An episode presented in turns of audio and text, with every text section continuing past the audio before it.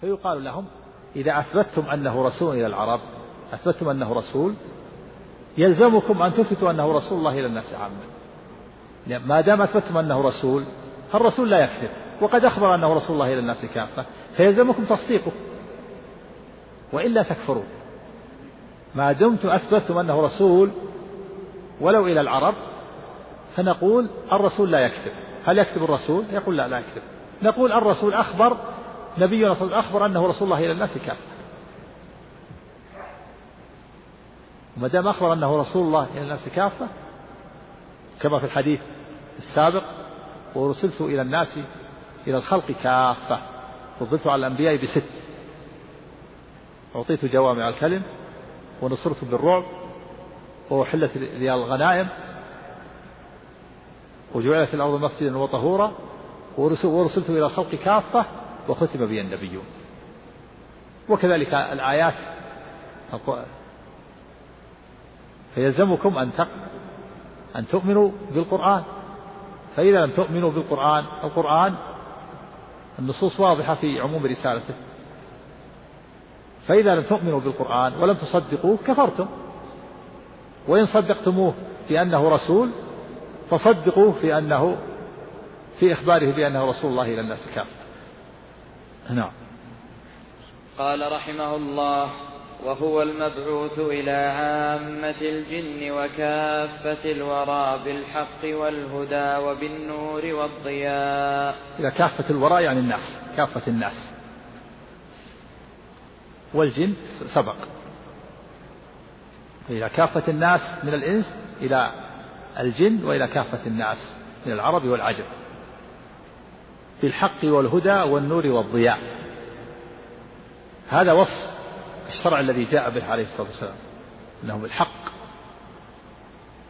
هو ضد الباطل ليس فيه باطل. فصله الله بالحق والهدى هو العلم النافع. الله تعالى أرسله بالحق الذي المطابق للواقع.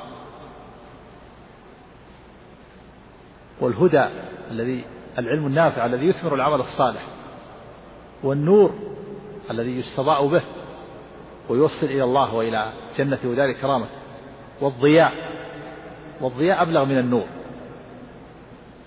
كما قال سبحانه هو الذي جعل الشمس ضياء والقمر نورا. لأن الضياء نور فيه حرارة.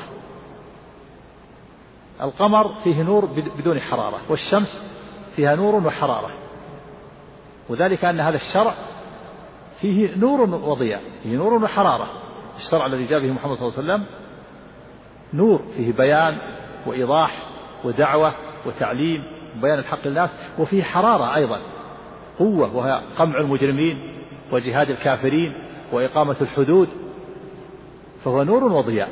هذا الشرع حق ليس فيه باطل وهدى علم النافع وثمر العمل الصالح ونور إيضاح للحق وضياء نور فيه حرارة.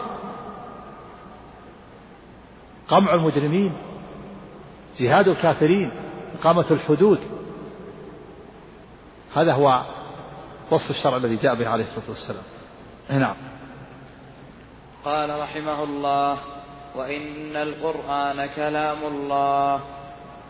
نعم كم كم؟ منه بدا بلا كيفية قولا.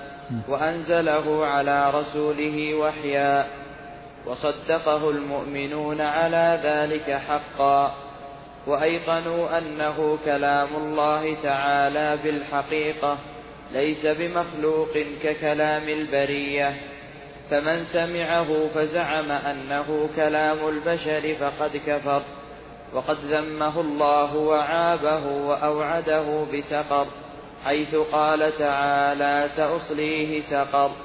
فلما أوعد الله بسقر لمن قال إن هذا إلا قول البشر.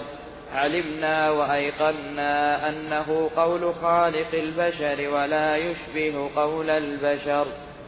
وإن القرآن كلام الله بالكسر معطوف على قوله نقول في توحيد الله معتقدين بتوفيق الله إن الله واحد لا شريك له وإن محمد عبده المصطفى وإن القرآن كلام الله.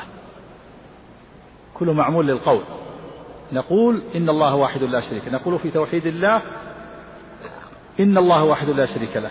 ونقول إن محمدا عبده المصطفى ورسوله المجتبى. ونقول إن القرآن كلام الله. القرآن كلام الله. صفة من صفاته. فالقرآن كلام الله عز وجل تكلم الله به وأنزله على نبيه وحيا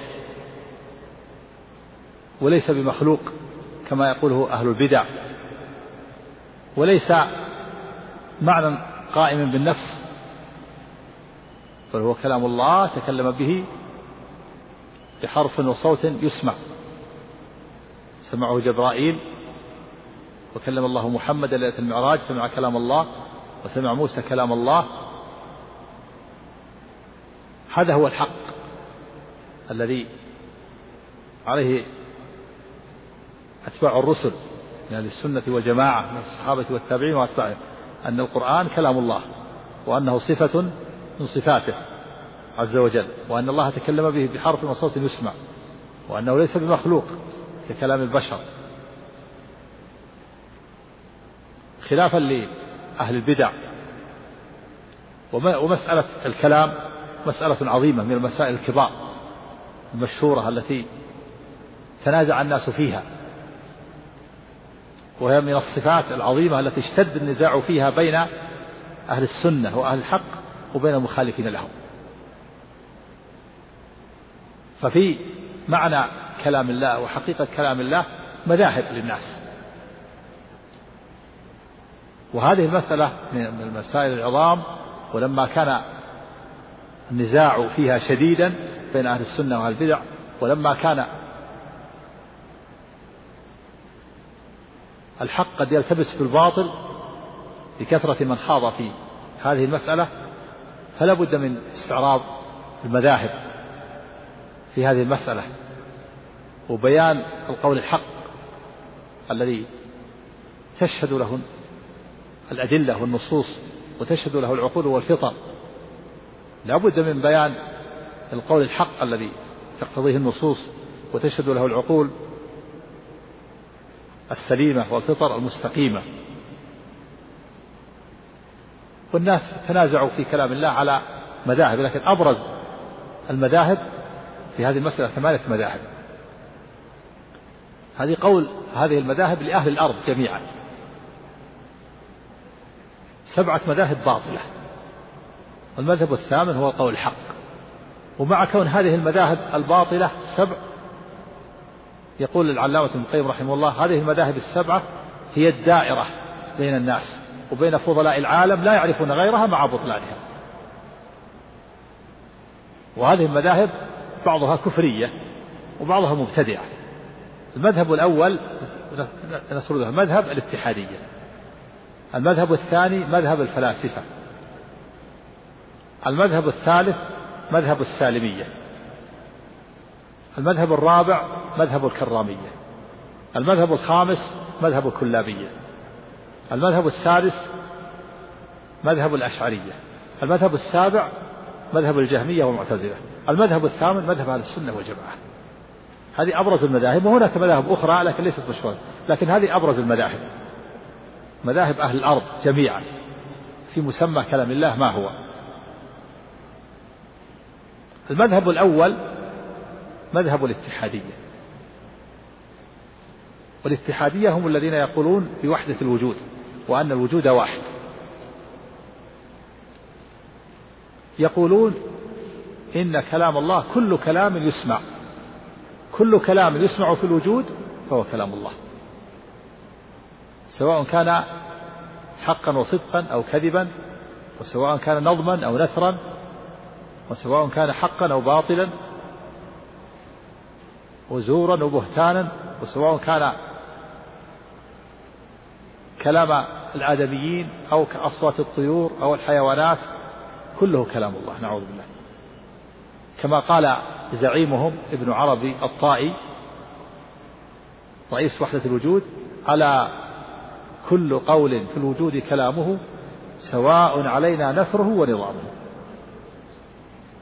على كل قول في الوجود كلامه سواء علينا نثره ونظامه. بعضهم يروي البيت وكل كلام في الوجود كلامه سواء علينا نثره ونظامه. لكن موجود في الفتوحات كتابه الفتوحات المكية على كل قول في الوجود كلامه سواء علينا نثره ونظامه. فإذا مذهب الاتحادية كل كلام يسمع في الوجود فهو كلام الله. سواء كان نظما أو نثرا وسواء كان حقا أو باطلا وسواء كان كلام آدميين أو غيرهم. وهذا المذهب مبني على هذا المذهب مذهب الاتحادية في كلام الله مبني على مذهبهم في القول بوحدة الوجود. مبني على مذهبهم في القول بوحدة الوجود. فإن مذهبهم أن الوجود واحد. ليس هناك موجودان. ليس هناك رب وعبد ولا خالق ولا مخلوق بل الوجود واحد. الرب هو العبد والعبد هو الرب. والخالق هو المخلوق والمخلوق هو الخالق. لا فرق بينهم ولهذا يقول ابن عربي الطائي الرب عبد والعبد رب. يا ليت الشعر من المكلف. إن قلت عبد فذاك ميت أو قلت رب أن يكلف. يلتبس عليه الأمر. يقول الرب هو العبد. والعبد هو الرب. أيهما المكلف؟ إن قلت عبد فذاك ميت وفي لفظ فذاك نفي. أو قلت رب أن يكلف. وقال أيضا رب مالك وعبد هالك وأنتم ذلك. رب مالك وعبد هالك وأنتم ذلك والعبد فقط والكثرة وهم.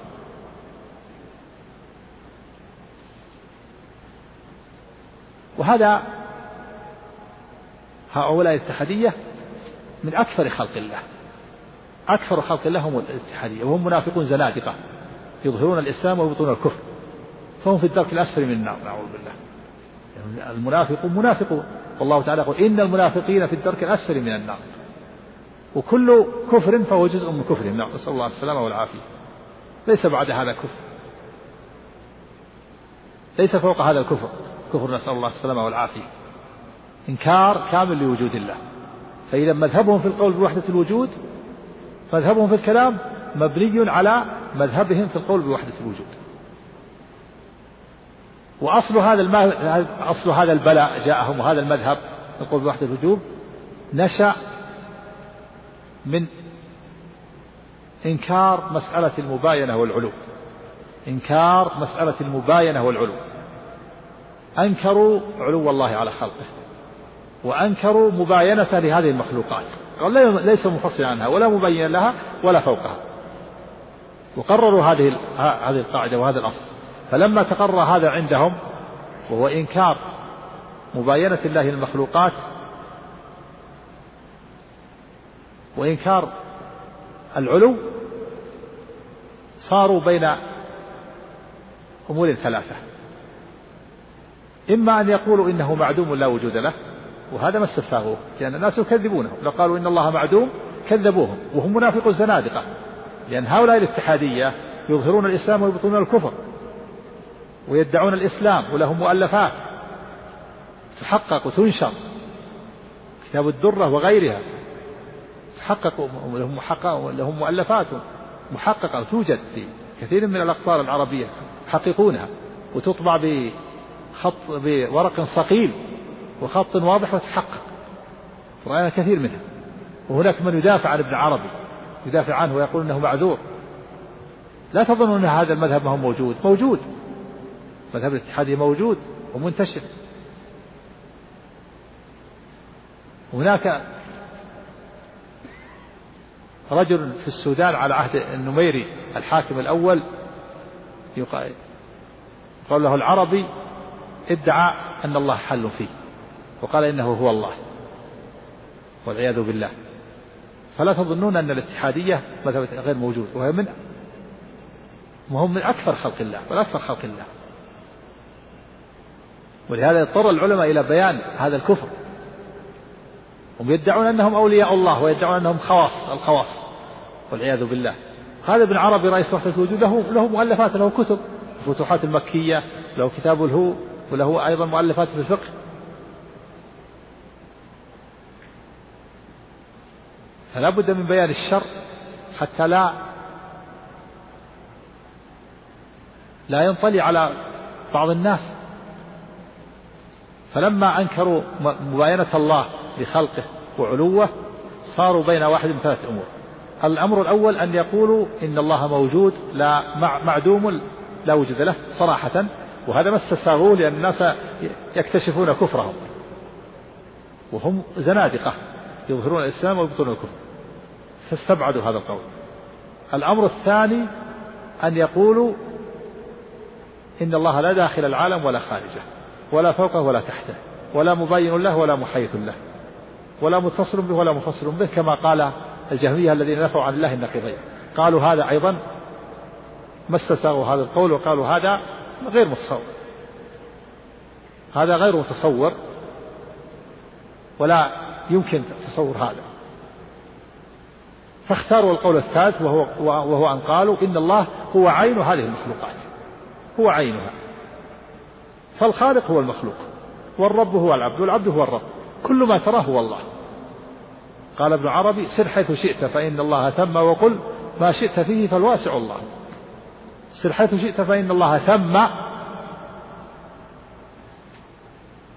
وقل ما شئت فالواسع الله. كل شيء تراه هو الله. قال والله هو عين هذه المخلوقات. هو عين هذه الموجودات. والشيء لا يحيط نفسه ولا ينافيها. فثبت عندهم عند هؤلاء الملاحدة أن الله عين هذه المخلوقات. فلما ثبت عندهم أنه عين هذه المخلوقات قالوا إن كل كلام في الوجود هو كلامه. وكل اسم في هذا كل كلام في الوجود كلامه سواء كان حسنا أو قبيحا. وسواء كان كفرا أو إيمانا. وكل اسم فهو له حسن قبيح. وكل صفة فهي له صفة نقص أو كمال وهذا مذهب كفري شنيع. بل هم أعظم الناس كفرا. كيف يقال يجرؤ عاقلا يقول إن كل كلام يسمع في هذا الوجود كلام الله من الكفر و والسب والشتم والغناء والباطل إلى غير ذلك. وهؤلاء كفرة لا يؤمنون بالله ولا بملائكته ولا بكتبه ولا برسله ولا باليوم الآخر ولا بالقدر خيره وشره. فهم أكثر الناس. نسأل الله السلامة والعافية. ومن فروع هذا المذهب أنهم يقولون إن فرعون مصيب حينما قال أنا ربكم الأعلى. وهذا على الحق والصواب مصيب حينما قال أنا ربكم الأعلى. وكذلك عباد الأصنام والأوثان يقولون على الحق هم على الحق والصواب. وكل من عبد شيئا فهو مصيب عندهم. من عبد النار فهو مصيب.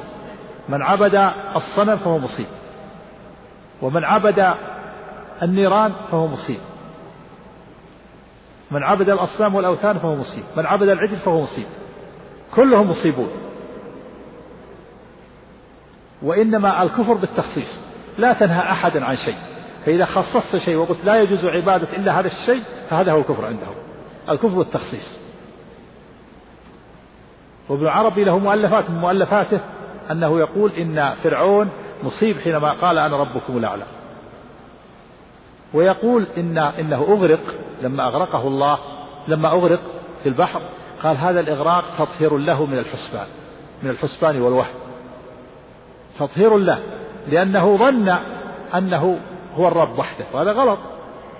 أنت حينما قال أنا ربكم الأعلى كل واحد رب ليس أنت. فلما حسب هذا الحسبان أغرق تطهيرا له من هذا الوهم والحسبان.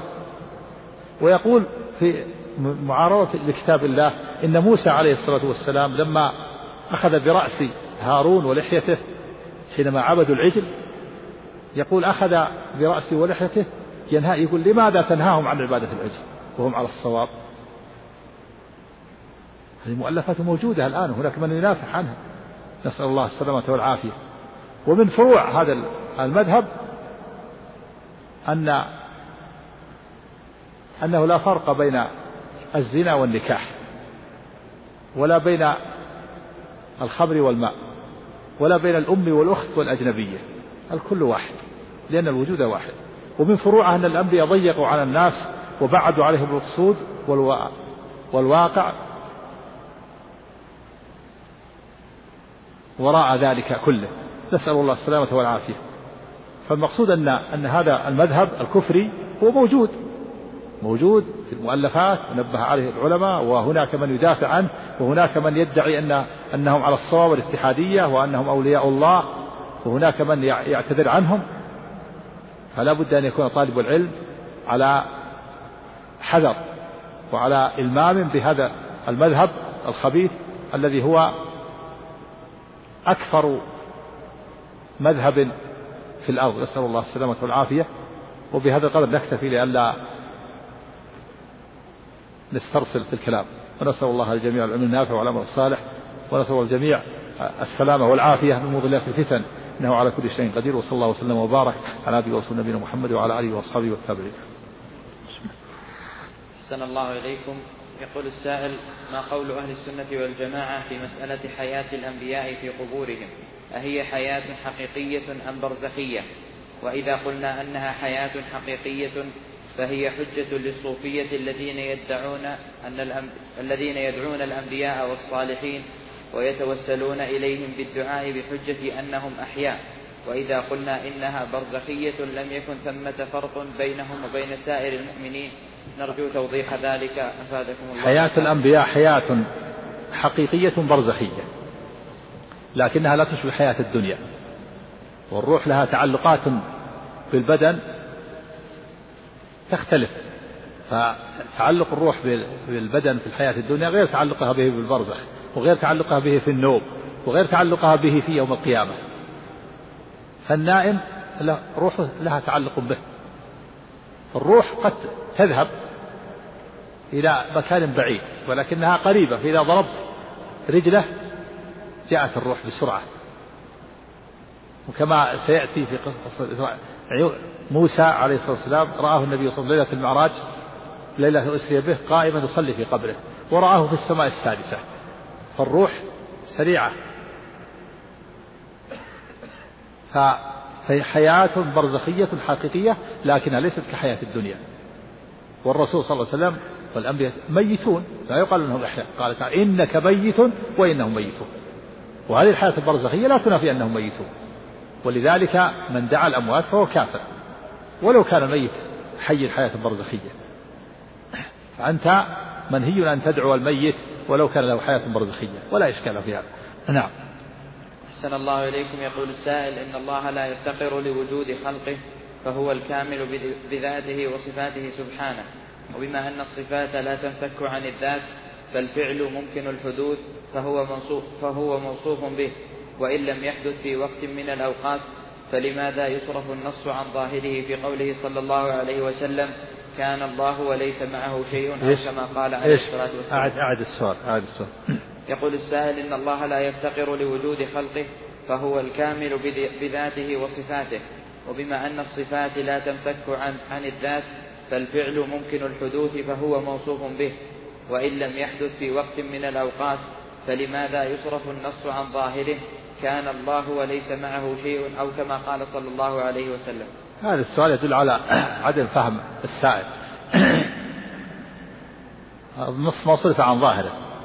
الله تعالى متصف بالفعل والفعل غير المفعول الفعل وصفه سبحانه وتعالى قائم بذاته. والمفعول المخلوق المنفصل.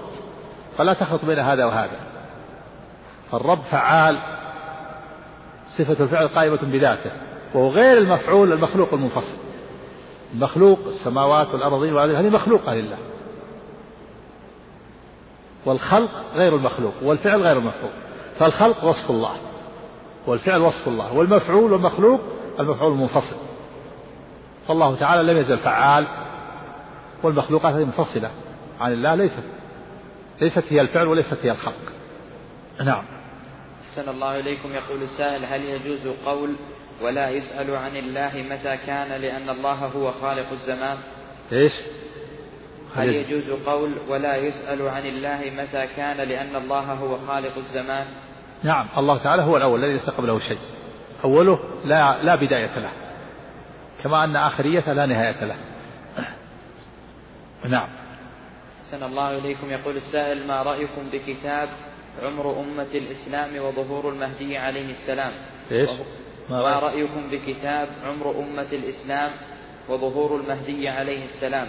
وهو كتاب توصل فيه الباحث وهو من جامعة عربية إلى أن عمر أمة محمد صلى الله عليه وسلم ما بين 1400 و 1500 سنة استنادا لبعض الأحاديث الصحيحة والآثار عن علماء الإسلام الأولين كالسيوطي وغيره حفظكم الله. ما رأيت الكتاب ولا قرأته ولكن تحديد تحديد عمر الأمة لا لا دليل تحديد باطل. ليس هناك دليل ولا أظن هنا يثبت أن هناك آثار لتحديد. بالآلاف بالسنين لكن الله سبحانه وتعالى جعل علامات للساعة وأشراط. وأشراط الساعة الكبار إذا ظهرت كلها فالساعة تعقبها. فقد جاء أشراطها كما قال الله. كما قال الله سبحانه. أما التحديد بالمئات وبالآلاف هذا لا دليل عليه. ولا ولا تثبت. ولا يثبت في هذا شيء. نعم. أحسن الله إليكم. جاء في الحديث عن النبي صلى الله عليه وسلم في قوله عن موسى فلا أدري هل أفاق قبلي أو لا أو كان ممن استثناه الله. والسؤال من هم الذين استثناهم الله من الصعق الصواب أن هذا أن هذا وهم من بعض الرماة كما نبه على ذلك المحققون من أهل العلم وأهل الحديث كالعلامة ابن القيم وغيره وأن صواب الحديث لا تخيروني ب... لا تخيروا لا, لا تفضلوا على موسى فإن الناس يصعقون يوم القيامة. فإذا موسى آخذ بقائمة من قوائم العرش فلا أدري أفاق قبلي أم جوزي بصعقة يوم الطور. وهذه الصعقة إنما هي صعقة في موقف القيامة وسببها تجلي الله للخلائق لفصل القضاء. حينما يتجلى الله الخلق لفصل القضاء يصعق الناس غشية. ثم يفيقون فأول من يفيق نبينا صلى الله عليه وسلم فيجد موسى قائم آخذ بقائمة العرش. قال نبينا صلى الله عليه وسلم فلا أدري هل هل موسى صعق فأفاق أم أنه لم يصعق مجازة له بصعقة يوم الطور. وعلى كلا الحالين فهي منقبة لموسى. ولكن الفضيلة الخاصة لا تدل على الفضل العام. هذه فضيلة منقبة لموسى. إنه ما إنه لما ي... لما يزول الصعق ويفيق نبينا يجد موسى قائم قال ما أدري هل صعق فأفاق قبلي أم أنه لم يصعق له بصعقة يوم الطور أما آه، رواية بعضهم فلا أجد فلا فلا أجد أفاق قبل أم كان ممن استثنى الله هذه وهم بعض الرواة. لأن صعقة التجلي ما فيها استثناء. الاستثناء إنما هي في صعقة في صعقة الموت. قال تعالى ونفخ في الصور فصعق من في السماوات وما في الأرض إلا من شاء الله. صعقة صعقة الموت حينما ينفخ إسرائيل في في آخر الدنيا فيصعق الناس ويموتون ولكن هناك من يستثنيه الله. منها ممن يستثنى الله الأرواح لا تموت لأنها باقية وكذلك ما في الجنة من من الحور وغيرها باقية هذا مما استثناهم الله. أما صعقة التجلي فليس فيها استثناء. فالصواب أن هذه وإن كان الحديث في البخاري لكن هذه اللفظة وهم من بعض الرواة. فلا أدري أفاق قبلي أم كان ممن استثنى الله. صواب الصواب الحديث ما جاء في الرواية الأخرى فلا أدري أفاق قبلي أم جوزي بصعقة يوم الطور. أما فلا أدري أفاق قبلي أم كان ممن استثنى الله وهم من بعض الرواة كما نبه على ذلك المحققون من أهل العلم ومن أهل الحديث. وذلك لأن صعقة الصعقة في يوم القيامة التي سببها تجلي إلى الفصل الخلائق ما فيها استثناء. كل الناس يصعقون. إنما الاستثناء في الصعقة التي تكون في آخر الدنيا وصعقة الموت. نعم والله أعلم. أحسن الله إليكم. ما معنى قول وهب بن المنبه؟ نظرت في القدر فتحيرت ثم نظرت فيه فتحيرت. ووجدت أعلم الناس في القدر أكفهم عنه وأجهل الناس في القدر أنطقهم به. لا سيما وقد كثر كلام الطلاب في الخوض في القدر بلا فائدة بعد الدرس في القدر. لسنا مكلفين بتفسير كلام وهب بن منبه وهب منبه من العلماء من التابعين من الذين أسلموا من بني إسرائيل. قد يكون قوله صواب وقد يكون خطأ. فلسنا متعبدين بأن نفسر كلامه. إنما نحن نفسر كلام الله وكلام رسوله. هذا اللي نتفهمه. والقدر لا يجوز الإنسان أن يخوض فيه. وكما سيأتينا في الطحاوية أن قول الطحاوي القدر سر الله سيأتينا إن شاء الله. قول الطحاوي القدر سر الله في خلقه. فمن سأل لما فعل فقد رد حكم الكتاب ومن رد حكم الكتاب كان من الكافرين. سيأتي إن شاء الله لا نستعجل. نعم. أحسن الله إليكم. هل النبي صلى الله عليه وسلم أفضل من السماوات والأرض ومن جبريل وميكائيل وأفضل من العرش والكرسي وأفضل من كل شيء؟ نعم ظاهر الأدلة أن النبي هو أفضل وأفضل المخلوقات عليه الصلاة والسلام. وأفضل الأنبياء والمرسلين وأفضل الملائكة. هذا هو الصواب. والمسألة تفضيل الأنبياء تفضيل صالح البشر على الملائكة فيها كلام لأهل العلم. من العلماء من قال إن الأنبياء أفضل الملائكة أفضل من صالح من الأنبياء وصالح البشر ومنهم من قال الأنبياء صالح البشر أفضل. شارح الطحاوية قال إن هذه المسألة مسألة من فضول الكلام فالأولى تركها لكن حقق الشيخ الإسلام ابن تيمية المسألة وقال إن كنت أظن أن هذه المسألة من بدع الكلام فتبين لي أنها مسألة أثرية صحابية سلفية. وحقق القول بأن الأنبياء وصالح البشر أفضل من الملائكة لكن هذا عند كمال حالهم عند دخول الجنة. عند كمال حالهم يكون حالهم أفضل. وإن كان حال الملائكة قد يكون في في الدنيا أفضل لكن في النهاية حال حال الأنبياء وصالح البشر أفضل. نعم.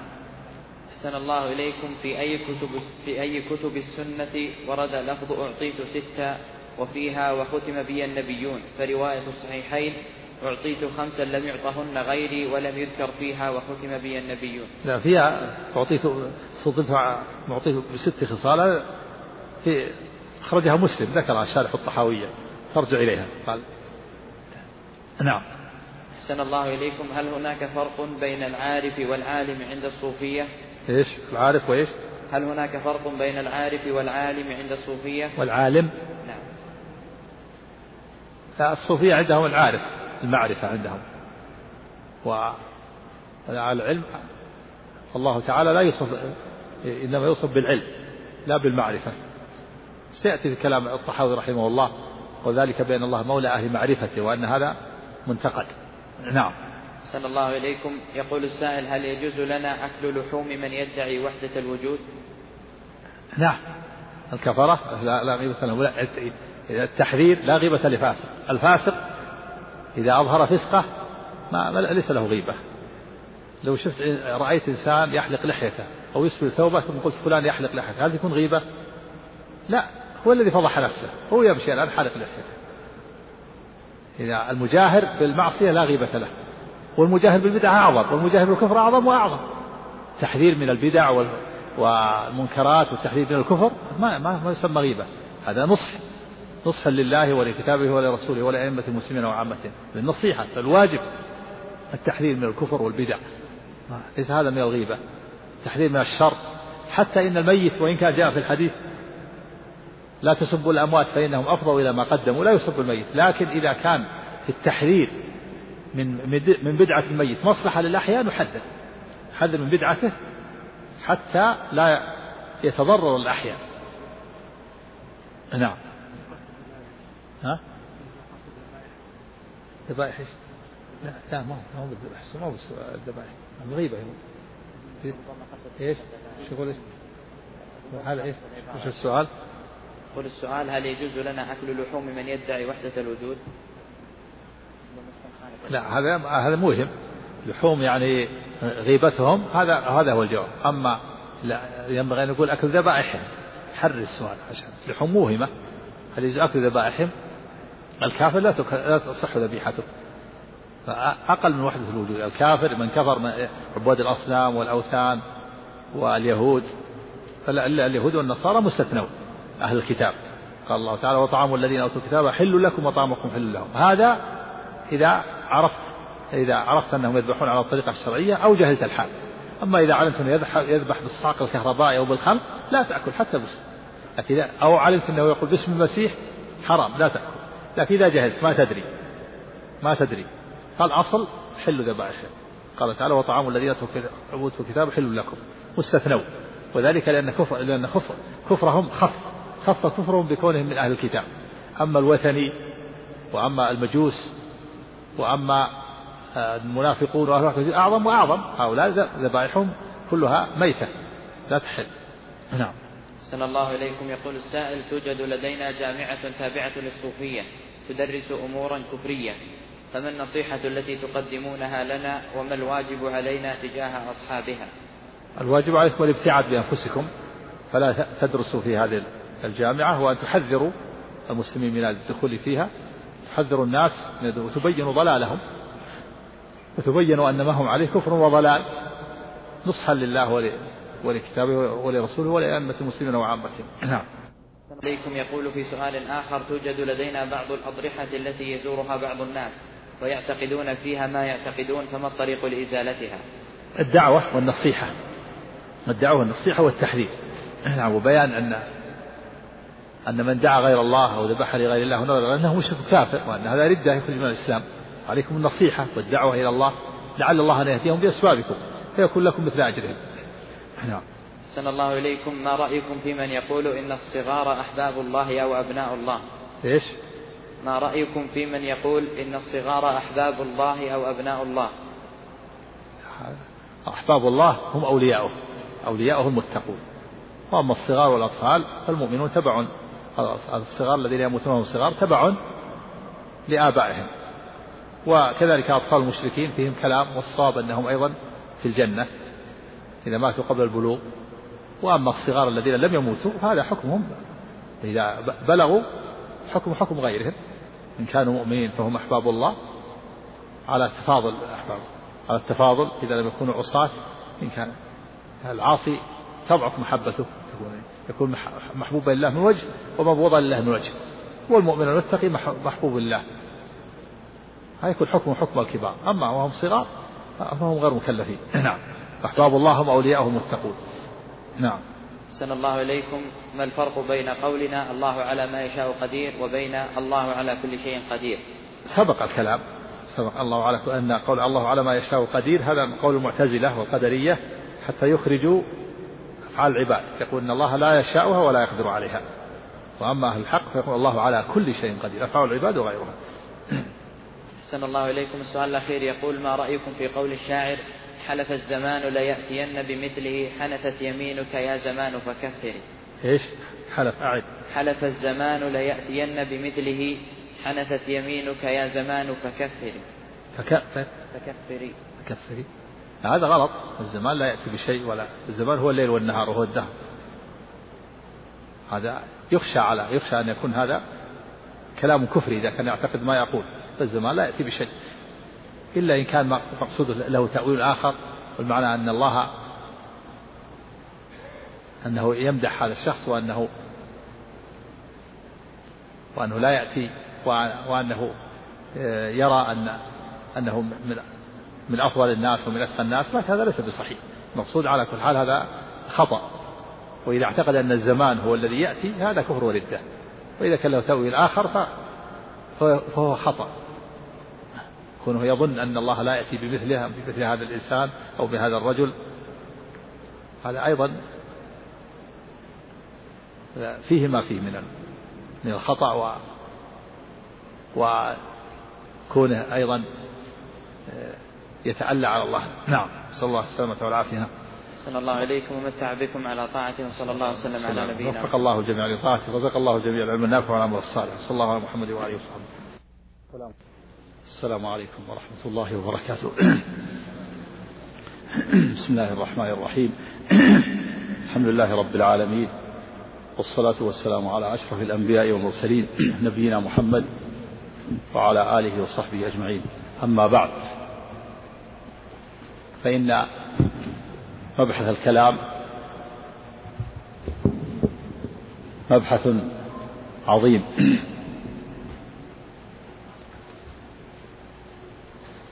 وهو من المسائل التي اشتد النزاع فيها بين أهل السنة وبين المخالفين لهم كما سبق بيان ذلك.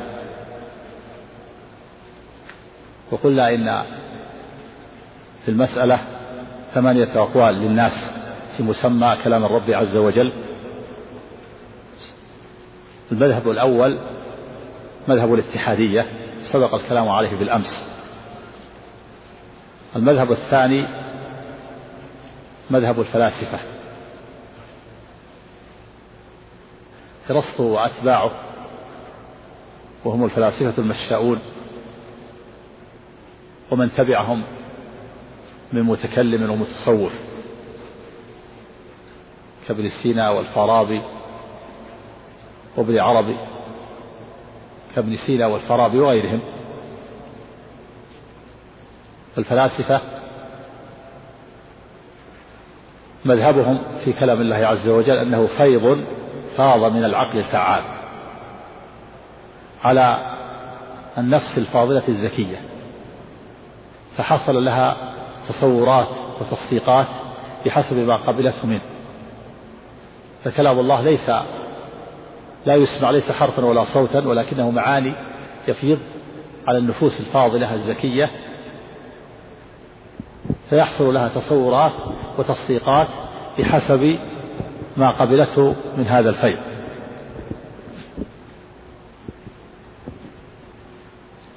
وهذا المذهب في الكلام مبني على مذهبهم في القول بقدم العالم وأن العالم لازم لله أزلا وأبدا. فالفلاسفة يذهبون إلى أن العالم لازم لله أزلا وأبدا لا ينفك عنه لا في الأزل ولا في الأبد. كلزوم الضوء للسراج. فلا يقولون إن العالم حادث بل يقول إن العالم قديم كقدم الله لأنه مقارن لله. وهذا معنى إنكار لوجود الله عز وجل وأن الله واجب الوجود لذاته وأنه هو الأول الذي ليس قبله شيء. فبنوا على هذا الأصل هو أن أقول بقدم العالم أن الكلام معنى يفيض على النفوس. الفاضلة الزكية. فيحصل لها تصورات وتصديقات بحسب ما قبلت منه. وأصل هذا أنهم لم يؤمنوا بالرب الذي أخبر عن نفسه أنه هو الأول الذي ليس شيء والذي عرفت به الرسل الفعال فيما يريد المتصف بالصفات القادر على كل شيء المتكلم بقدرته ومشيئته. لما لم يؤمنوا بالرب سبحانه وتعالى الذي وصف نفسه وسمى نفسه بأسماء وصفات لما لم يؤمنوا بذلك قالوا إن العالم قديم ثم قالوا إن الكلام فيض فاض من العقل الفعال وحقيقة هذا المذهب الكفر بالله وملائكته وكتبه ورسله واليوم الآخر والقدر خيره وشره. فهم لم يؤمنوا بأصول الإيمان فهم كفرة ملاحدة لأنهم لم يؤمنوا بالله ربا وإلها ومعبودا بالحق وأنه الأول الذي ليس قبله شيء وأنه الغني بذاته الذي لا يحتاج إلى أحد وأن له الكمال في أسمائه وصفاته. فلم يؤمنوا بالرب ولم يؤمنوا بالملائكة ولم يؤمنوا بالكتب المنزلة ولم يؤمنوا بالرسل ولم يؤمنوا باليوم الآخر والبعث والنشور والجنة والنار ولم يؤمنوا بالقدر. فهم كفرة ملاحدة. نسأل الله السلامة والعافية. وهم يلتقون مع الاتحادية. الاتحادية يقول الوجود واحد. العبد هو الرب والرب هو العبد وهؤلاء يقولون العالم قديم ملازم للرب. ولم لم يثبتوا ربا غنيا خالقا قادرا بمشيئته. بل قالوا إن الرب هو أول هذا العالم وهو المحرك له وهو العلة وهو مبدأ هذه الكثرة وهو العلة الغاية لحركة الفلك. هم بهذا يلتقون مع الاتحادية. كلهم كفرة. كلهم ملاحدة زنادقة. نسأل الله السلامة والعافية. فهذان المذهبان كفريان. ولكن العلماء يذكرون هذه المذاهب لأن لأن الملاحدة يتسترون باسم لأن الاتحادية يتسترون باسم الإسلام. وهم يظهرون الإسلام ويبطلون الكفر والإلحاد. وكذلك الفلاسفة. هناك من يظن من الناس أنهم على حق وأنهم على صواب وأن وأنهم أهل العلم وأن وأهل القواعد والأصول. اغتر بهم كثير من أهل البدع وظنوا أنهم على حق وصواب. فهذان المذهبان كفريان. المذهب الثالث مذهب السالمية أتباع هشام بن سالم الجواليقي. وتبعهم بعض أتباع الأئمة الأربعة وبعض من ينتسب إلى الحديث. ذهبوا إلى أن كلام الله ألفاظ ومعاني وحروف وأصوات قديمة في الأزل. لم تزل ولا تزال. وكلام الله ألفاظ ومعاني وحروف وأصوات لكنها قديمة في الأزل لم تزل ولا تزال. ولا يقولون إن الكلام متعلم بقدرة الله ومشيئته بل يقولون إن الكلام قديم ألفاظه ومعانيه والحروف والأصوات. وما دامت الألفاظ قديمة فالحروف التي تتألف من هذه الألفاظ وما دامت المعاني قديمة فالحروف التي تتألف من هذه الألفاظ قديمة. وهم يقولون إن كلام الله نوعان. نوع يسمع بواسطة ونوع يسمع بغير واسطة.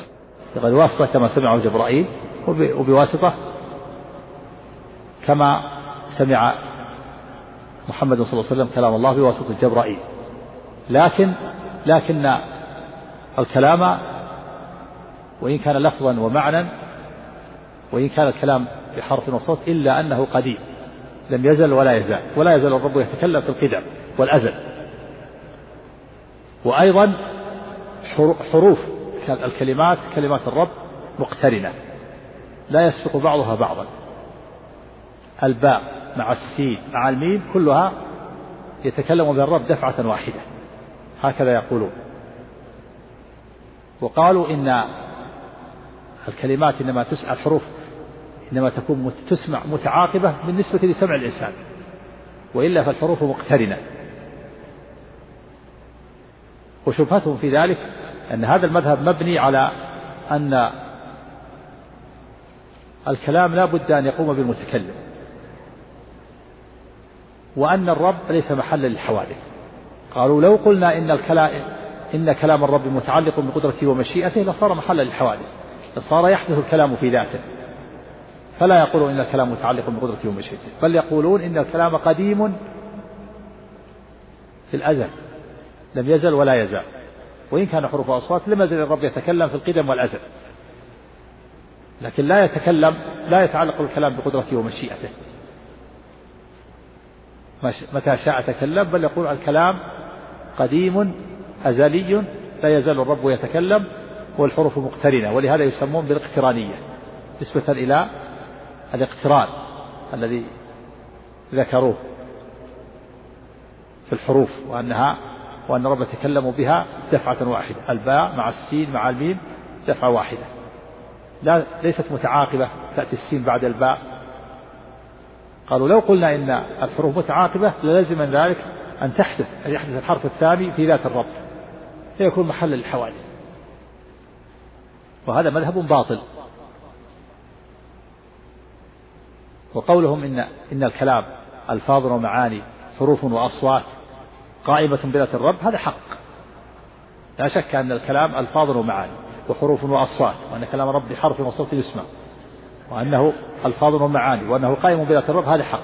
لكن قولهم إنه لا يتعلق بقدرته ومشيئته هذا باطل. لأن الرب لا لم لم يزل يتكلم. الرب الكلام قديم النوع لكن أحد أفراد حادثة لا يزال الرب يتكلم.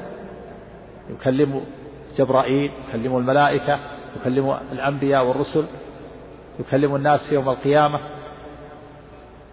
يتكلم من أمره سبحانه بما يشاء. فالقول بأنه لا يتعلق بقدرته ومشيئته تعطيل للرب من الكلام من الكمال. وتنقص للرب. فكذلك وكذلك قولهم إن الحروف مقترنة وأنه لا يسبق بعضها بعضا تخليط وهذيان مخالف للحس المعلوم بالفطرة. لأن الكلمة إذا كانت مكونة من حرفين فلا يمكن للمتكلم أن يتكلم بالحرف. الثاني إلا بعد الحرف الأول. ولا وجود للحروف أصلا إلا بالتعاقب. فالقول بأنها غير متعاقبة تخليط وهذيان. غير متصور. وقولهم إنه يلزم من ذلك أن تحدث الحروف في ذات الرب هذا باطل. إنما هذا يلزم بالنسبة للمخلوق. أما الخالق فكلامه لا يشبه كلام المخلوقين. لأن الرب سبحانه وتعالى لا لا يماثل المخلوقين لا في ذاته ولا في صفاته ولا في أفعاله سبحانه وتعالى. المذهب الرابع مذهب الكلابية. أتباع أتباع عبد الله بن سعيد بن كلاب. يرون أن الكلام أن كلام الرب معنى قائم بنفس الرب. ليس بحرف ولا صوت. ولا يسمع. بل هو معنى قائم بنفس الرب لازم لذاته كلزوم الحياة والسمع والبصر. كلزوم العلم كالعلم. فالكلام معنى معنى قائم بالنفس. ليس بحرف ولا صوت. ولا يسمع. وهو لازم لذات الرب كلزوم الحياة السمع والبصر. وهو أربع معاني في نفسه.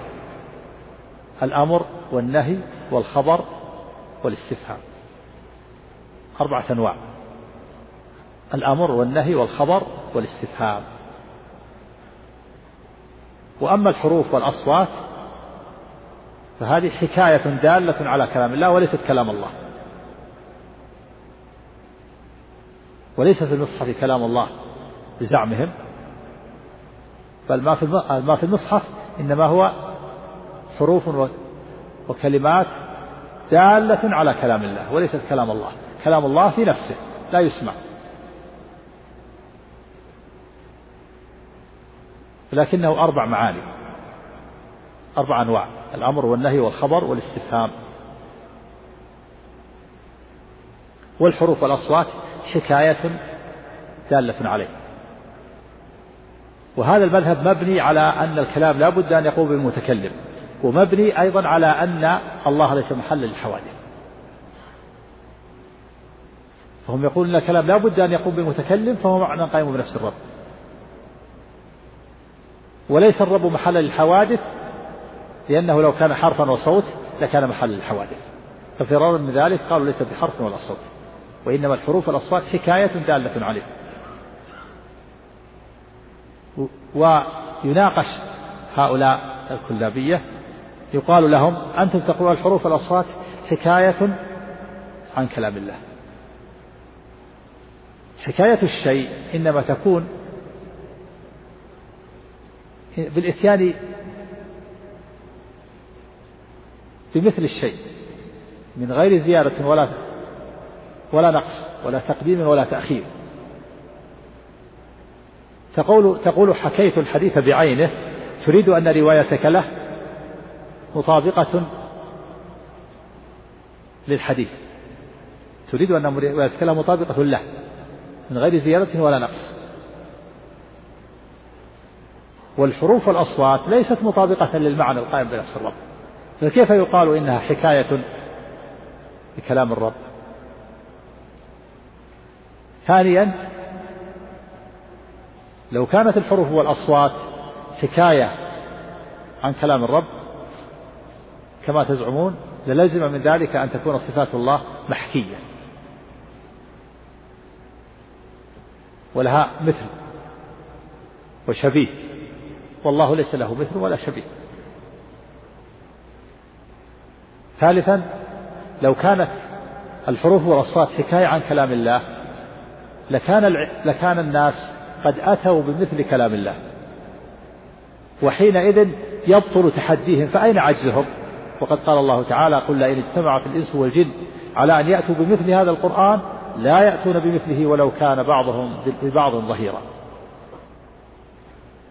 وقال سبحانه أم يقولون افتراه؟ قل فأتوا قل فأتوا بعشر سور مثله مفتريات. أم يقولون افتراه؟ قل فأتوا بسورة مثله. وادعوا شهداءكم من دون الله إن كنتم صادقين. فلو كانت الحروف والأصوات حكاية لكلام الله لكان الناس قد أتوا بمثل كلام الله.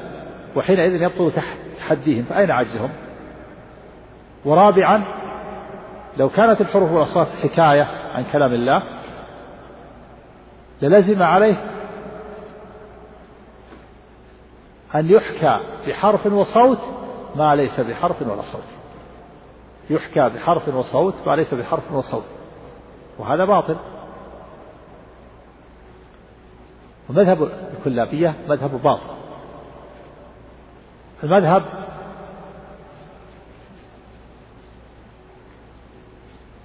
الخامس مذهب الأشاعرة الأشعرية. أتباع أبي الحسن الأشعري. أتباع أبي الحسن الأشعري. يقولون إلا إن الكلام معنى قائم بنفس الرب.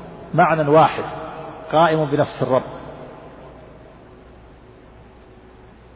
ليس بحرف ولا صوت ولا يسمع لكنه معنى واحد. ليس ونوع واحد شيء واحد ولا يتنوع إلى أربعة أنواع كما تقول الكلابية. الكلابية يقولون الكلام أربعة أنواع الأمر والنهي والخبر والاستفهام. والأشاعرة يقولون الكلام معنى واحد. لا يتعدد ولا يتبعض ولا يتجزأ ولا يتكثر بل هو معنى واحد. والحروف والأصوات عبارة دالة عليه. الكلابية يقول حكاية وهؤلاء يقول عبارة وكونه أمر ونهي وخبر واستفهام قالوا هذه صفات إضافية لذلك المعنى الواحد. وليست أنواع بل هي صفات إضافية لذلك النوع الواحد الذي لا يتعدد ولا يتجزأ ولا يتكثر. فهو نوع واحد له صفات بحسب ما يضاف إليه. تضيف إليه إلى هذا المعنى يكون الخطاب أمر فيكون فيكون أمرا بالإضافة ويكون أمرا بالإضافة ويكون نهيا بالإضافة خبرا بالإضافة واستفهام بالإضافة. هي صفة إضافية له. كما أن الإنسان له صفات إضافية. فأنت شخص واحد توصف بأنك أب بالإضافة إلى أبنائك وتوصف بأنك ابن بالنسبة إلى آبائك وأجدادك وتوصف بأنك خال بالنسبة إلى أبناء أخواتك وتوصف بأنك عم بالنسبة إلى أبناء إخوتك وأنت شخص واحد. فهذه الصفات إضافية تسمى أبا وابنا وعما وخالا بالإضافة. كذلك كلام الرب معنى واحد وكونه أمرا ونهيا وخبرا واستفهاما بصفات إضافية. وكونه توراة وإنجيل وقرآن وزبور قالوا هذا تقسيم للعبارة. تقسيم للدلالات لا المدلول. المدلول واحد. المدلول واحد. وهو المعنى القائم بنفس الرب. حسب العبارة بحسب العبارة. كلام الرب معنى قائم بالنفس لكن إن عبرت عنه بالعربية فهو القرآن. وإن عبرت عنه بالعبرانية لغة اليهود فهو الإنجيل فهو التوراة. وإن عبرت عنه بالسريانية لغة النصارى فهو الإنجيل. وإن عبرت عنه بالداودية فهو الزبور وهو شيء واحد. هو معنى واحد لكن هذا التقسيم بالنسبة للدلالات للعبارات. فالحروف والأصوات عبارة دالة عليه.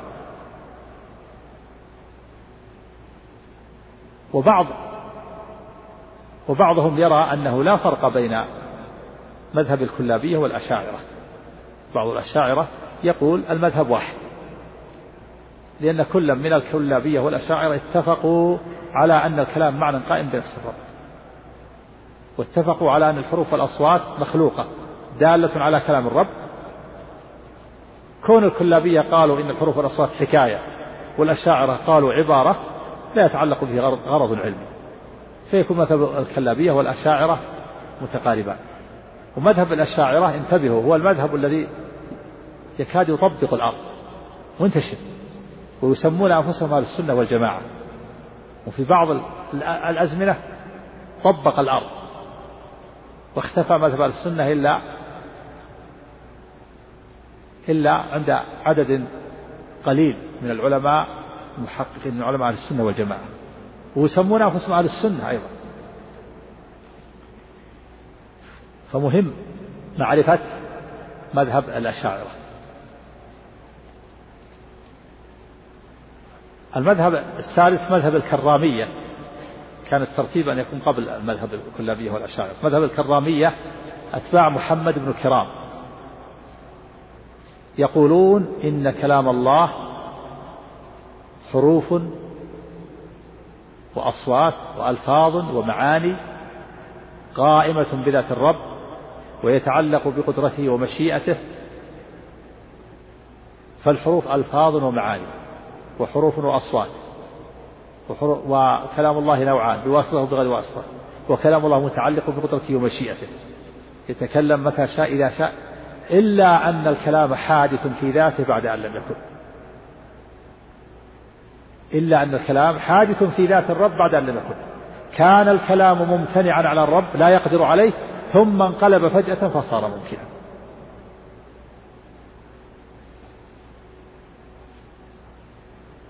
فقولهم إن كلام الرب ألفاظ ومعاني حروف وأصوات متعلق قائم بذات الرب ومتعلق بقدرته ومشيئته هذا حق. هذا موافق لأهل السنة والجماعة. لكن قولهم إن كلام الرب حادث في ذاته هذا باطل. كائن بعد أن لم يكن. قالوا إن الكلام كان ممتنعا على الله ثم انقلب فجأة فصار ممكنا كان في أولا هناك فترة لا يقدر أن يتكلم الرب ممتنع عليه الكلام. ثم انقلب فجأة فصار ممكنا. وهذا مبني على أن على أن القول ب بأن الكلام قديم النوع يوجب أن تتسلسل الحوادث والموجودات. قالوا لو قلنا بأن كلام الرب قديم قديم النوع ليس حادثا للزم من ذلك التسلسل في الحوادث والموجودات وإذا تسلسلت الحوادث والموجودات انسد علينا طريق إثبات الصانع لا نستطيع أن نثبت أن الله هو الأول الذي ليس قبله شيء. ففرارا من ذلك قالوا الكلام كان ممتنعا على الرب ثم انقلب فجأة فصار ممكنا. وهذا باطل. أولا أن الكلام صفة كمال. صفة الرب كمال. فكيف يخلو الرب من هذا الكمال في وقت من الأوقات؟ وإذا خلا من الكمال صار ذلك نقصا وصفتم الرب بالنقص. والعجز كان الكلام ممتنعا كان عاجزا على الكلام. فوصفتم الله بالنقص فنقصتم الرب. ونفيتم الكمال عنه. وكيف يكون الكلام ممتنعا؟ ثم يصير ممكنا. إذا كانت حال الرب سواء وهو لم تتجدد له صفة الكلام فكيف يكون الكلام ممكنا؟ ممتنعا ثم يكون ممكنا. ما الذي جعله ينقلب من الامتناع إلى الإمكان؟ إذا كان الرب كامل في صفاته في ذاته وصفاته وأسمائه إذا كان الرب متصف بالصفات والصفات صفة كمال. ما الذي ما السبب في كون الرب يخلو من, من هذا الكمال في وقت من الأوقات ويتصف بالنقص والعجز؟ وهو لم تتجد له صفة الكلام ولم يستفدها من غيره ولم يخلق صفة الكلام لنفسه. بل الرب لم يزل ولا يزال متصفا بالكمال. صفاته وأسمائه أما القول بأنه ينسد طريق إثبات الصانع نقول لا ينسد. الرب هو الأول الله هو الأول الذي ليس قبله شيء. وهو فعال سبحانه وتعالى ويتكلم يخلق بالكلام. إنما أمره إذا أراد شيئا أن يقول له كن فيكون. وكل فرد من أفراد المخلوقات مسبوق بالعدم مخلوق بعد أن كان معدوما. خلقه الله بقدرته ومشيئته. وإذا وصف كل فرد من أفراد المخلوقات بهذا فلا يلزم من ذلك أن يكون هناك فترة يعطل فيها الرب.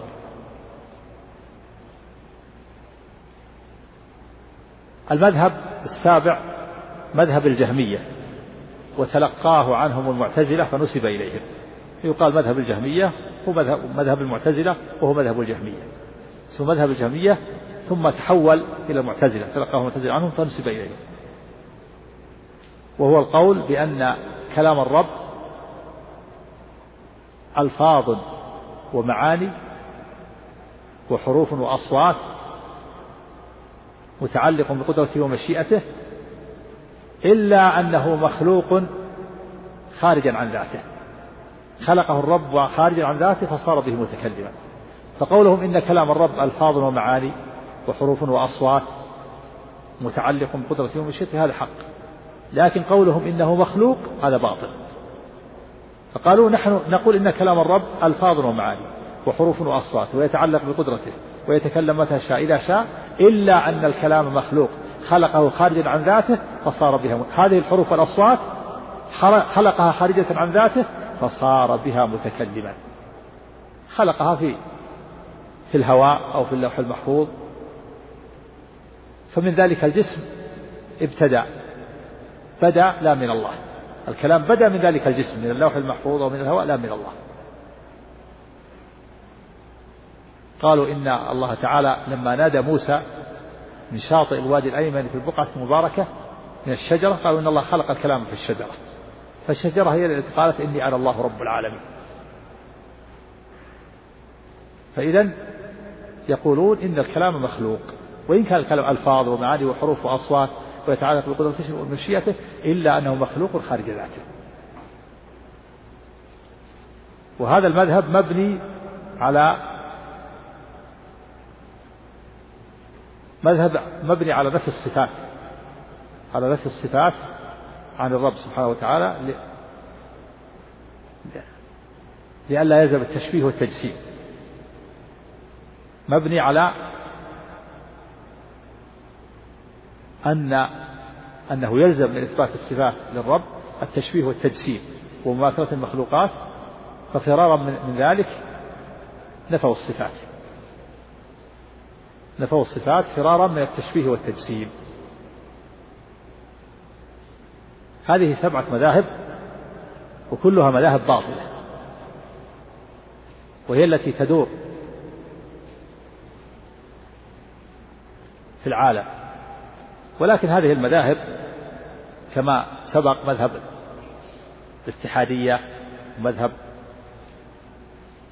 آه، الفلاسفة ومذهب السالبية ومذهب الكرامية. هذه كلها مذاهب باطلة واضح واضحة البطلان وليست منتشرة انتشارا كثيرا وقد رددنا عليها بقيت المذاهب المنتشرة والسائدة هذه المذاهب الثلاثة مذهب الأشاعرة وهو مذهب الكلابية الكلابية والأشاعرة يكاد يكون مذهب واحد. فمذهب الأشاعرة مذهب منتشر طبق الأرض. حتى إن كثيرا من الفقهاء وغيرهم مذهبهم يتمشى مع مذهب الأشاعرة. الفقهاء الذين فقهاء من الحنابلة وغيرهم. ومذهب أيضا كثير من الأحناف. مذهب كثير من الأحناف مذهبهم أشعري. مذهب الأشاعرة بعض الحنابلة حتى صاحب الروض المربع أول ما بدأ في الشرح بسم الله الرحمن الرحيم فسر الرحمة بالإنعام على طريقة الأشاعرة. والإنعام الرحمة ليست هي الإنعام. الإنعام أثر من أثر الصفة وليس هو الصفة. كثير من الفقهاء وغيرهم مذهبهم مذهب يتمشى مع مذهب الأشاعرة. وقد يوافقهم بعض المحدثين في بعض كالحافظ ابن حجر رحمه الله في بعض الصفات يتأولها على طريقة الأشاعرة الغضب والرضا والكلام. وكذلك النووي رحمه الله في شرح صحيح مسلم يؤول الصفات على طريقة الأشاعرة. والسبب في هذا أن هؤلاء العلماء الفطاحل المحدثين لم يوفقوا لمن ينشئهم على معتقد أهل السنة والجماعة في سن الطلب وظنوا أن هذا هو الحق. ولهم حسنات ولهم أعمال عظيمة خدموا الإسلام خدمة عظيمة. لكن هذه الأخطاء صدرت منهم عن اجتهاد لم يتعمدوا ولم ينشأوا على معتقد أهل السنة والجماعة. وهذا يجب لطالب العلم أن يعتني بذلك إذا كان العلماء الفطاحل الكبار وقعوا في الغلط ولم يهتدوا إلى مذهب أهل السنة والجماعة فإذا قرأت بعض الشروح في الحديث تجد تأويلاتهم الكثيرة. تأويلات مثل الساق إذا جاء في صفة الساق للرب سبحانه وتعالى تعجب. تذكر أقوال كثيرة متعددة. تأويل اليد تأويل الغضب تأويل الرحمة وهكذا. هذا يجب لطالب العلم أن يعتني بمعتقد أهل السنة والجماعة حتى لا يزل. إذا كان هؤلاء العلماء الكبار الفطاحل زلوا فأنت يخشى عليك أن تزل. فإذا مذهب الأشاعرة هذا مذهب سائد منتشر وكذلك مذهب المعتزلة وهو مذهب الجهمية ومذهب السنة والجماعة. تبقى هذه المذاهب الثلاثة هي المنتشرة الآن. فالمذهب الثامن مذهب أهل السنة والجماعة وهم الصحابة والتابعون لهم بإحسان وأتباعهم والأئمة وهم أتباع الرسل الذين تلقوا هذا الباب عن الرسل. مذهبهم في كلام الرب سبحانه وتعالى أن الله موصوف بالكلام وأن الكلام من صفاته الذاتية لاتصافه به في الأزل. فالله تعالى موصوف بالكلام أزلا وأبدا فالكلام من صفاته الذاتية لاتصافه به سبحانه في الأزل ومن صفاته الفعلية لكون الكلام بمشيئة الرب واختياره لكون الرب يتكلم بمشيئته واختياره.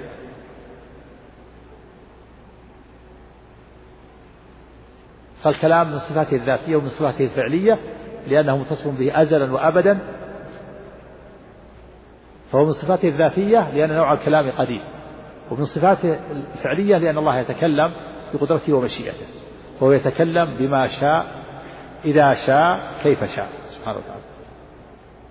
وأن نوع الكلام قديم وإن لم يكن الصوت المعين قديما وأن كلام الله ألفاظ ومعاني بحرف وصوت يسمع.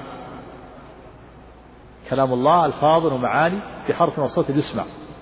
وأن نوع الكلام قديم وإن لم يكن الصوت, الصوت المعين قديما.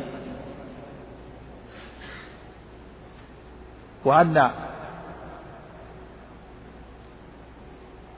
كلام الرب سبحانه وتعالى ليس حالا. في المخلوقات ولا متحدا بهم. بل الرب سبحانه وتعالى بائن بذاته وصفاته من خلقه. كلام الرب ليس حالا فيهم ولا متحدا بهم. بل الرب سبحانه وتعالى بذاته وصفاته منفصل عن المخلوقات باين عن مخلوقاته. ليس حالا فيهم ولا متحدا بهم.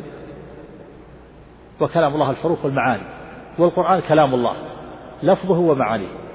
ليس كلام الله الحروف دون المعاني ولا المعاني دون الحروف. وأما ألفاظ العباد وأصواتهم وحركاتهم وأدائهم وكلامهم وأفعالهم فكل ذلك مخلوق بائن عن الله عز وجل. هذا هو معتقد أهل السنة والجماعة في الكلام. أن كلام الله من صفاته الذاتية والفعلية وأن الله متصف بالكلام أزلا وأبدا. وأن كلام الله وأن الكلام من صفاته الذاتية لكونه متصفا به في الأزل. ومن صفاته الفعلية لكون الكلام واقع بمشيئته وقدرته. وهو يتكلم إذا شاء ومتى شاء كيف شاء. وأن كلام الله ألفاظه ومعاني بحرف وصوت يسمع. وأن نوع الكلام قديم وإن لم يكن الصوت المعين قديما. وأن الرب بائن من خلقه بذاته وصفاته. فكلام الله ليس حالا في المخلوقات ولا متحدا به بل هو بائن بذاته وصفاته سبحانه وتعالى. وكونه يتكلم بمشيئته وقدرته من لوازم ذاته المقدسة سبحانه وتعالى. والقرآن كلام الله لفظه ومعاني ومعناه. ليس كلام الله اللفظ الألفاظ دون المعاني ولا المعاني دون الحروف. وأما ألفاظ العباد وأصواتهم وحركاتهم وأدائهم فكل ذلك مخلوق بائن عن الله عز وجل. هذه المذاهب الثمانية هي أبرز المذاهب في كلام الرب. وهذه المذاهب تدور على أصلين. تدور هذه المذاهب كلها تدور على أصلين. الأصل الأول هل كلام الرب واقع بمشيئته واختياره وقدرته أو بغير مشيئته واختياره؟ والأصل الثاني هل كلام الرب قائم بذاته ومتصل به أو خارج عن ذاته ومنفصل عنه؟ هذه المذاهب الثمانية كلها تدور على هذه الأصل. الأصل الأول هل كلام الرب واقع بمشيئته واختياره وقدرته أو واقع بغير مشيئته واختياره؟ اختلفوا في ذلك. فقال بعضهم إن كلام الرب واقع بغير مشيئته واختياره. وهم أربع طوائف. الطائفة الأولى قالت إن كلام الرب واقع بغير مشيئته واختياره وهو معنى يفيض منه على نفس شريفة فتتكلم به وهم الفلاسفة وطائفة قالت إن كلام الرب معنى قائم به إن كلام الرب ألفاظ ومعاني وحروف وأصوات قديمة في الأزل لم تزل ولا تزال وهم السالمية. وطائفة قالت إن كلام الرب واقع بمشيئته بغير مشيئته واختياره وهو معنى قائم بنفسه جامع لأربع معاني. هي الأمر والنهي والخبر والاستفهام وهو كلابية. وطائفة قالت إن كلام الرب معنى قائم بنفسه وهو معنى واحد لا يتعدد ولا يتبعض ولا يتجزأ ولا يتكثر وهم الأشعرية. هذه أربع طوائف. وقال بعضهم إن كلام الرب واقع بمشيئته واختياره. وهم أربع طوائف. طائفة قالت إن كلام الرب واقع بمشيئته واختياره وهو الذي يتكلم به الناس كلهم. وهو يسمع والذي وهو الذي يسمع من جميع الناس وهم الاتحادية. وطائفة قالت إن كلام الرب واقع بمشيئته واختياره وهو ألفاظ ومعاني وحروف وأصوات إلا أنه حادث في ذاته كائن بعد أن لم يكن وهم الكرامية. وطائفة قالت إن كلام الرب واقع بمشيئته بمشيئته واختياره وهو حروف وألفاظ ومعاني إلا أنها مخلوقة خارجة عن ذاته وهم الجهمية والمعتزلة. وطائفة قالت إن كلام الرب قائم بذاته واقع بمشيئته واختياره وهو قديم النوع حادث الآحاد بحرف وصوت يسمع وهما السنة والجماعة. أما الأصل الثاني وهو هل كلام الرب قائم بذاته ومتصف به أو خارج عن ذاته ومنفصل عنه فاختلفوا فيه. فقال بعضهم إن كلام الرب خارج عن ذاته ومنفصل عنه وهم ثلاث طوائف. طائفة قالت إن كلام الرب خارج عن ذاته ومنفصل عنه وهو معاني تفيض على النفوس الفاضلة الزكية وهم الفلاسفة. وطائفة قالت إن كلام الرب خارج عن ذاته ومنفصل عنه وهو الذي يتكلم به الناس كلهم حقه وباطله وهم الاتحادية وطائفة قالت إن كلام الرب خارج عن ذاته ومنفصل عنه وهو هذه الحروف والأصوات خلقها خارجة عن ذاته فصار بها متكلما وهم الجهمية والمعتزلة هذه ثلاث طوائف وقال بعضهم إن كلام الرب واقع بذاته ومتصف به وهم خمس طوائف. طائفة قالت إن كلام الرب قائم بذاته ومتصف به وهو ألفاظ ومعاني وحروف وأصوات لم تزل ولا تزال وهم السالمية وطائفة قالت إن كلام الرب قائم بذاته ومتصف به وهو ألفاظ ومعاني وحروف وأصوات إلا أنه حادث في ذاته. كائن بعد أن لم يكن وهم الكرامية. وطائفة قالت إن كلام الرب قائم بذاته ومتصف به وهو معنى جامع لأربع معاني. هي الأمر والنهي والخبر والاستفهام وهم الكلابية. وطائفة قالت إن كلام الرب قائم بذاته ومتصف به وهو معنى واحد لا يتعدد ولا يتبعض ولا يتجزأ ولا يتكثر وهم الأشاعرة. وطائفة قالت إن كلام الرب قائم بذاته ومتصف به وهو قديم النوع حادث الأحاد وهم السنة والجماعة. فتبين بهذا أن هذه المذاهب كلها ترجع إلى هذين الأصلين. والذين أثبتوا الصوت في كلام الله خمس طوائف. طائفة قالت إن كلام الله بصوت وهو الذي يتكلم به الناس كلهم وهو الاتحادية. وطائفة قالت إن كلام الله بالصوت وهذه الحروف والأصوات خلقها خارجة عن ذاته فصار بها متكلما وهم المعتزلة والجهمية والمعتزلة. وطائفة قالت إن كلام الله بالصوت حادث في ذاته كائن بعد أن لم يكن وهم الكرامية. وطائفة قالت إن كلام الله بالصوت وهو ألفاظ ومعاني لم تزل ولا تزال في الأزل وهم السالمية. وطائفة قالت إن كلام الله بالصوت حادث النوع قديم النوع حادث الأحاد وهم السنة والجماعة. خمس طوائف أثبت الصوت. والذين لم يثبتوا الصوت ثلاث طوائف.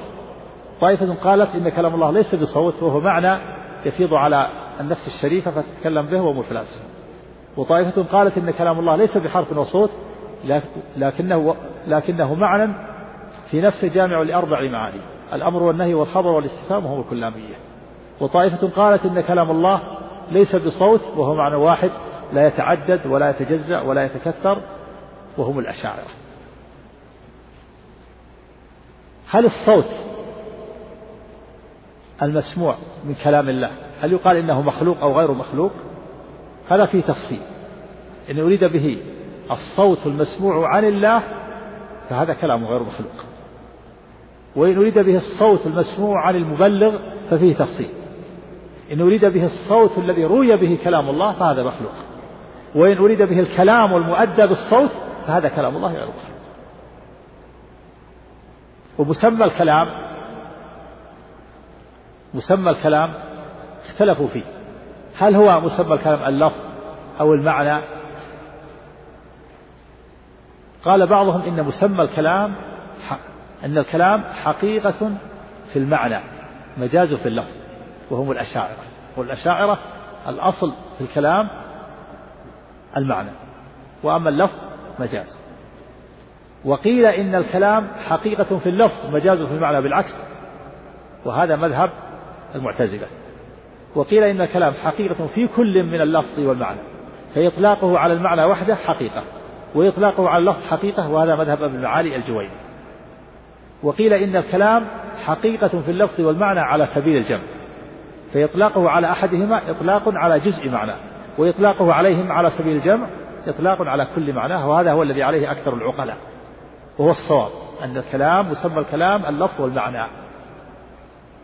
ليس مسمى الكلام اللفظ فقط كما تقول المعتزلة ولا مسمى الكلام المعنى كما تقول الأشاعرة ولا مسمى اللفظ اللفظ وحده والمعنى وحده كما يقول أبو المعالي الجويني بل مسمى الكلام اللفظ والمعنى.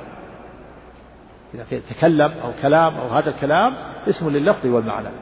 حقيقة مذهب السنة والجماعة. حقيقة مذهب السنة والجماعة في كلام الرب عز وجل أن كلام الله محفوظ في الصدور. مقروء بالألسن مكتوب في المصاحف محفوظ في الصدور معلوم في القلوب مقروء مسموع بالآذان وهو في هذه المواضع كلها حقيقة. فإذا قيل في المصحف كلام الله فهم منه معنى حقيقي وإذا قيل فيه مداد كتب به فهم منه معنى حقيقي. وإذا قيل في المصحف خط فلان الكاتب فهم معنى حقيقي. وإذا قيل المداد في المصحف فالظرفية فيه غير الظرفية المفهومة من قولك فيه السماوات والأرض وفيه محمد وعيسى. وهي غير الظرفية المفهومة من قولك فيه خط فلان الكاتب. وفي وهي غير الظرفية المفهومة من قولك فيه مداد كتب به. وهي غير الظرفية المفهومة من قولك في المصحف كلام الله. هذه كلها حقائق. المصحف فيه كلام الله وفيه خط فلان وفيه مداد كتب به. وفيه محمد وعيسى يعني ذكر محمد وعيسى. وفيه السماوات والأرض يعني ذكر السماوات والأرض. وبل لم يتنبه لهذه الفروق ضل ولم يهتدي إلى الصواب. وكذلك لا بد من الانتباه للفرق بين القراءة بين القراءة والمقروء. فالقراءة فعل القارئ والمقروء كلام الرب سبحانه وتعالى. وقد استدل الإمام البخاري رحمه الله في كتابه الصحيح على أن أفعال العباد على أن على خلق أفعال العباد على أن أفعال العباد مخلوقة بنصوص التبليغ. استدل في صحيح على أن أفعال العباد مخلوقة وأن أفعالهم ومن ذلك كلامهم كلامهم وأصواتهم وأفعالهم كلها مخلوقة استدل بنصوص التبليغ. كقوله سبحانه يا أيها الرسول بلغ ما أنزل إليك من ربك وإن لم تفعل فما بلغت رسالته. وقوله إن عليك إلا البلاغ. وهذا من رسوخه في العلم. فإن ذلك يتضمن أصلين عظيمين ضل فيهما أهل الزيت. الأول الأصل الأول أن المبلغ ليس له من الكلام إلا مجرد التبليغ. ليس منشئا ولا ولا محدثا للكلام إذ لو إذ لو أنشأ الكلام إذ لو كان الكلام من عنده لكان منشئا محدثا للكلام ولم يكن مبلغا. فالمبلغ إنما يبلغ كلام غيره. فإذا قرأت إنما الأعمال بالنيات وإنما لكل امرئ ما نوى تقول هذا كلامك أو كلام الرسول تقول كلام رسول الله. وإذا قرأت قول القيس قفا نبكي من ذكرى حبيب ومنزلي بسقط اللواء بين الدخول فحوملي تقول هذا كلام ابن القيس. أنت مبلغ عنه والكلام لابن القيس ليس لك. إنما الأعمال بالنيات الكلام للرسول ليس لك. فالمبلغ إنما يبلغ كلام غيره. الثاني أن التبليغ الأصل الثاني أن التبليغ فعل المبلغ وحقيقته أن يورد إلى الموصل إليه ما حمله إياه غيره فله مجرد تبليغه. قد ترجم الإمام البخاري رحمه الله في الصحيح في كتاب التوحيد باب قراءة الفاجر والمنافق وأصواتهم وقراءتهم لا تجاوز حناجرهم. أراد من ذلك أن أن قراءة الف... أن أفعال العباد وقراءتهم وأصواتهم مخلوقة. هم يقرؤون كلام الله بأصواتهم فأصواتهم وقراءتهم هذه أفعالهم والمقروء كلام الله. وحقيقة كلام الله الخارجية هي ما حقيقة كلام الله الخارجية هي ما يسمع منه أو من المبلغ عنه. حقيقة كلام الله الخارجي ما يسمع منه كما سمعه جبرائيل وكما سمعه نبينا محمد صلى الله عليه وسلم ليلة المعراج وكما سمعه موسى وكما يسمعه كلام الله يسمع الناس كلام الله يوم القيامة. فحقيقة كلام الله الخارجية الخارجية هي ما يسمع منه أو من المبلغ عنه. فإذا سمعه السامع فكلام الله له مسموع. وإذا علمه وحفظه فكلام الله له محفوظ. وإذا قرأه فكلام الله له مقروء وإذا كتبه فكلام الله له مكتوب. وهو حقيقة في هذه المواضع كلها لا, لا يصح نفيه. ولو كان مجاز لصح نفيه. لو كان مجاز لقيل ما قرأ القارئ كلام الله أو ما كتب الكاتب كلام الله أو ما سمع السمع كلام الله أو ما حفظ الحافظ كلام الله وهذا خطأ. النفي خطأ. فهو حقيقة في هذه المواضع كلها. فكلام الله محفوظ في الصدور معلوم في القلوب مقروء بالألسن مكتوب في المصاحف. والفرق بين كون القرآن في زبر الأولين وبين كون القرآن في لوح محفوظ وفي كتاب مكنون وفي رق منشور واضح. فإن معنى إنه لفي زبر الأولين يعني ذكره ووصفه والإخبار عنه. في زبر الأولين في كتب الأولين. القرآن في, في الإنجيل والتوراة يعني ذكره وخبره والوصف عنه. وليس القرآن المراد أن القرآن نزل في التوراة والإنجيل لأن القرآن إنما أنزله الله على محمد صلى الله عليه وسلم. كما أن فيه خبر النبي صلى الله عليه وسلم. وأما القرآن في في رق منشور في لوح محفوظ في كتاب مكنون يعني مكتوب فيه. ولهذا قال الإمام أبو حنيفة رحمه الله في كتابه رسالة سماها الفقه, الفقه الأكبر قال ما معناه؟ وكلام الله وكلام الله في المصاحف مكتوب وعلى الألسن مقروء وفي القلوب محفوظ وعلى النبي صلى الله عليه وسلم منزل. ولفظنا بالقرآن مخلوق والقرآن غير مخلوق. وما ذكر الله في القرآن عن موسى عليه الصلاة والسلام وعن إبليس وفرعون فذلك كلام الله إخبارا عنه. وكلام موسى وغيره من المخلوقين مخلوق. وكلام الله ليس ككلام المخلوقين. يعلم لا كعلمنا ويقدر لا كقدرتنا. ويرى لا كرؤيتنا ويتكلم لا ككلامنا أو كما قال رحمه الله. والأدلة على ثبوت كلام الرب عز وجل وأن الله يتكلم به بحرف وصوت وأن الله موصوف بالكلام كثيرة. منها قول الله عز وجل منها تكلم الله سبحانه وتعالى كلام الله لأنبيائه ورسله وكلام الله مع أهل الجنة. قال الله تعالى وكلم الله موسى تكليما. قال وكلمه ربه. وقال سلام قولا من رب رحيم. ومن السنة ما ثبت في الحديث الذي رواه ابن ماجه قال بين أهل الجنة في نعيمهم إذ استطع لهم نور. فرفعوا رؤوسهم فإذا الرب جل جلاله قد أشرف عليهم من فوقهم فقال السلام عليكم يا أهل الجنة. فلا يزالون في نعيم حتى يتوارى عنهم. ما تبقى من مادة هذا الشريط تتابعونها في الشريط التالي.